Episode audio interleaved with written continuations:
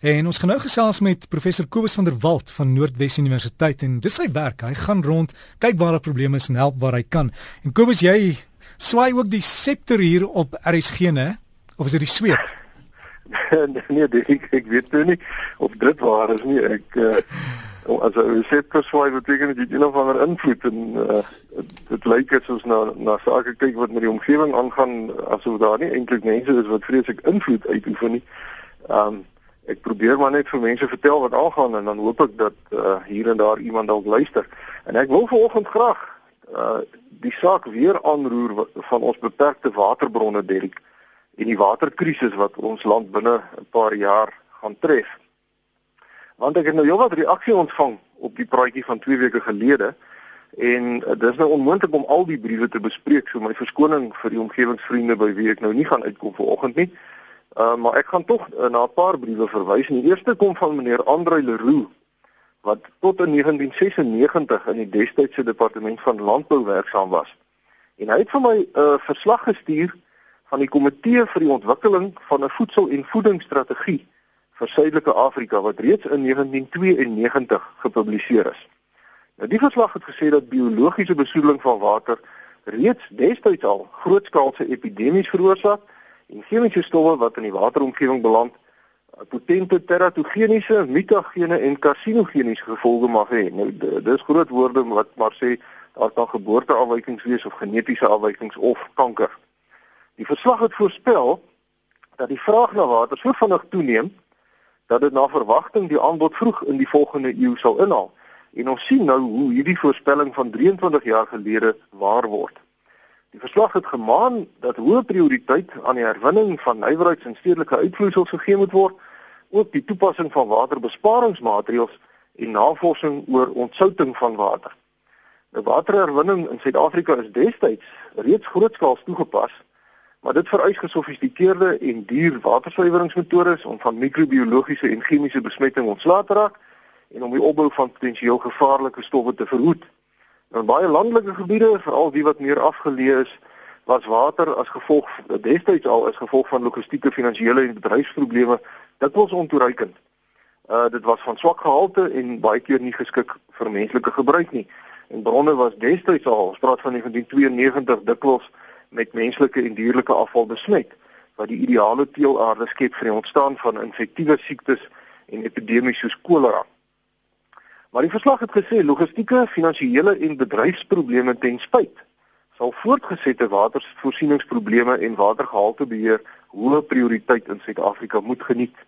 Alhoewel destyds het hulle nou al probleme gehad met eh, geld en en en bedryfsprobleme en so. Maar dit dit wys dat ons land se waterprobleme 23 jaar gelede reeds voorsien is. Uh nou ja, ten spyte van die duidelike waarskuwings is daar net soos met die elektrisiteitssituasie sedertdien nie genoeg gedoen nie. Net Charles Beeks het my verder gewys op 'n berig wat nou onlangs 26 Mei in een van ons koerante verskyn het waar twee roeiers hulle skok uitgespreek het oor die toestand van die Vaalrivier en veral hoe die rivier naby die samevloeiing van die Oranje reeds op plekke opgedroog het.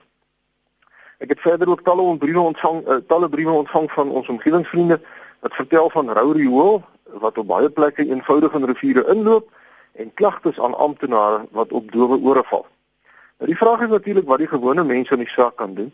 En ek het 2 weke gelede voorgestel dat ons almal nou moet kyk na die gebruik van grijswater in ons tuine en die berging van reënwater uh, in ons in tanks en dis meer en ek het ook gesê met betrekking tot die staat se verantwoordelikheid is uh, die die situasie dat ons eers die wanfunksionele bestuursliggame in orde moet kry. Want anders ter gaan die 300 miljard rand wat na raming nodig is om ons waterinfrastruktuur reg te ry, heel waarskynlik gemors word. Nou ek herhaal, herhaal dat die verantwoordelikheid in die eerste plek op die ministerie van waterwese rus om dringend effektiewe waterbestuursliggame in al die bestuursgebiede in Suid-Afrika te vestig en te sorg dat daardie liggame hulle werk oordentlik doen. Dit is waterwese se plig om dit te doen. My verdere standpunt dat ons hierdie stryd eers sal wen as ons die prys van water eenvoudig tot op so 'n vlak verhoog dat niemand dit sal kan bekostig om 'n enkele druppel water te mors nie. Is ten opsigte van die punt wat ek gemaak het uh, dat die gebruik van water deur die prys daarvan ingeperk kan word, uh, gekwalifiseer deur professor Charles White van Port Elizabeth. Hy sê hy wil by my aansluit. As waterdiere sal mense mooier kyk na water, maar hy sê dit is 'n standpunt wat op ten minste twee aannames berus. Die eerste aanname is dat water wel op 'n volhoubare en kostedoeltreffende manier aan ons almal voorsien word. En die tweede aanname is dat is dat alle mense vir water betaal wat hulle gebruik en ons weet dat nie een van hierdie twee aannames tans geldig is nie. Hy sê ons watersituasie toon groot ooreenkomste met die elektrisiteitssituasie. Ons beskik wel vanuit 'n ingenieursoogpunt oor tegnies doeltreffende maniere om elektrisiteit te voorsien, maar ons het toegelaat dat politieke en ideologiese onderstrominge daardie tegnologie tot op die punt van ineenstorting bring. En presies dieselfde toestand kom tans in ons watersituasie voor, waar politieke aanstellings, politieke binnengevegte en tegniese onbekwaamhede die resultaat is van politieke en ideologiese onderstrominge. En hy is van mening dat hierdie onbevredigende bestuursituasie nie deur die prys wat die verbruiker vir water moet betaal verander gaan word nie. Watervermorsing as gevolg van verouderde infrastruktuur en swak instandhouding sal eers effektief aangespreek word wanneer sake tot so 'n mate aanduidruk dat die verbruikers in opstand kom en hulle stemreg gebruik om ander plaaslike owerhede te verkies. Maar professor White is van mening dat gegee die feit dat ons slegs omtrent 5 jaar oor het om iets drasties aan ons watersituasie te doen, dit nie lyk of daar genoeg tyd is om die demokratiese paadjie van die stembus te loop nie. So omgewingsvriende, dit beteken doodgewoon dat ons almal in Suid-Afrika vir die afsienbare toekoms op onsself aangewese gaan wees vir water. En dit beklemtoon dat ons almal moet doen wat ons kan om water te spaar, dit op te gaar en te hergebruik. En verder sal die gewone mense in Suid-Afrika nie langer kan toelaat dat politieke oorwegings enige rol speel by die bestuur van ons waterbronne nie. Wat beteken dat ons nie langer swak verskonings vir onbevoegdheid of luiheid of politieke knoeiery sal kan aanvaar nie. Ons moet eenvoudig aandring daarop en aanhou aandring daarop deur diensleweringsbetogings en briewe en klagtes dat ons owerhede hulle plig moet nakom met betrekking tot watervoorsiening want dis die reg van elke landsburger wat in ons grondwet verskans is dat ons in 'n skoon en veilige omgewing gaan woon. So ons moet eenvoudig aandring op daardie reg. Soos ek sien, uh, twee van ons uh, uh, plaaslike owerhede reeds hierdie afgelope week aangespreek is deur een van die burgerlike samelewings um, organisasies. Waterwese is die rentmeester van ons land se waterbronne En as daar mense in die strukture is wat nie hulle pligte kan of wil nakom nie, dan moet hulle vervang word met mense wat dit wel kan doen. Want droë krane gaan geen onderskeid tref tussen mense wat vir die ANC, die DA, die EFF, die F, die VF+ of enige ander politieke party stem nie. Almal gaan in die moeilikheid wees. So ek gee graag vanoggend weer die besonderhede van die instansies waar oortredings of insidente aangemeld kan word. Ons omgewingsvriende kan maar net um, soek op die internet vir die groen skerpioene of die blou skerpioene.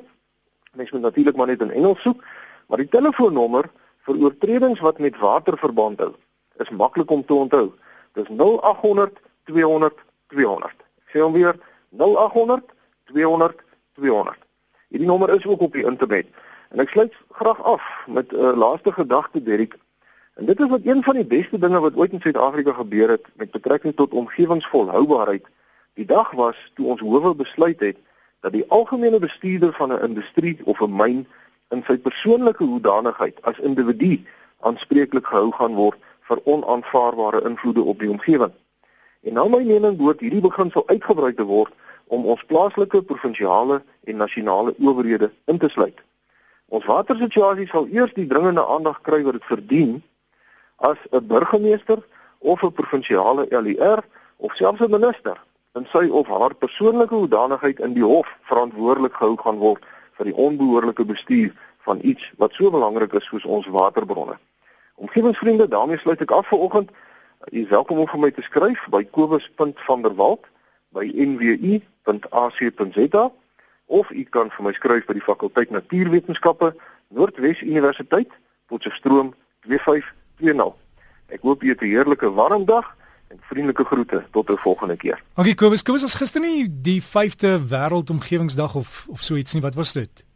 Dit is ja, dit was die wêreldomgewingsdag en daar is nou maar weer 'n klomp uh reg oor die wêreld in groot stede en so aan is daar byeenkomste gehou en lesings en uh, konferensies en so aan om die toestand van die wêreld te bespreek en om te kyk of ons vorder. Uh, jy weet al die maatreëls uh, met betrekking tot klimaatsverandering en die impak van kweekhuisgasse en die goed uh, maak dit enige verskil. En uh, dit is uh verblydend om te sê dat daar uh op baie terreine wel positiewe baie mooi tekens is waar ons die stryd wen. Ehm um, soos byvoorbeeld uh, walvisse en die goed aan die kus van Amerika wat terug is na hulle uh, vlakke voordat uh, hulle bedreig geraak het. Met ander woorde, daai maatreëls het gewerk, maar dan is daar ander maatreëls wat nie werk nie en en wat nog baie rooi ligte laat flikker.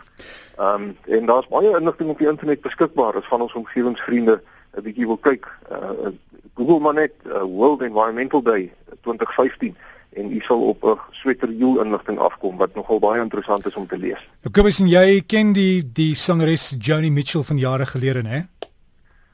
Dit jy gaan die liedjie, jy gaan die liedjie ek ek sal seker erken as jy dit nou speel. Jy gaan die liedjie ken want ek gaan Big Yellow Taxi speel van haar sy lank terug opgeneem het hier in die 60s dink ek.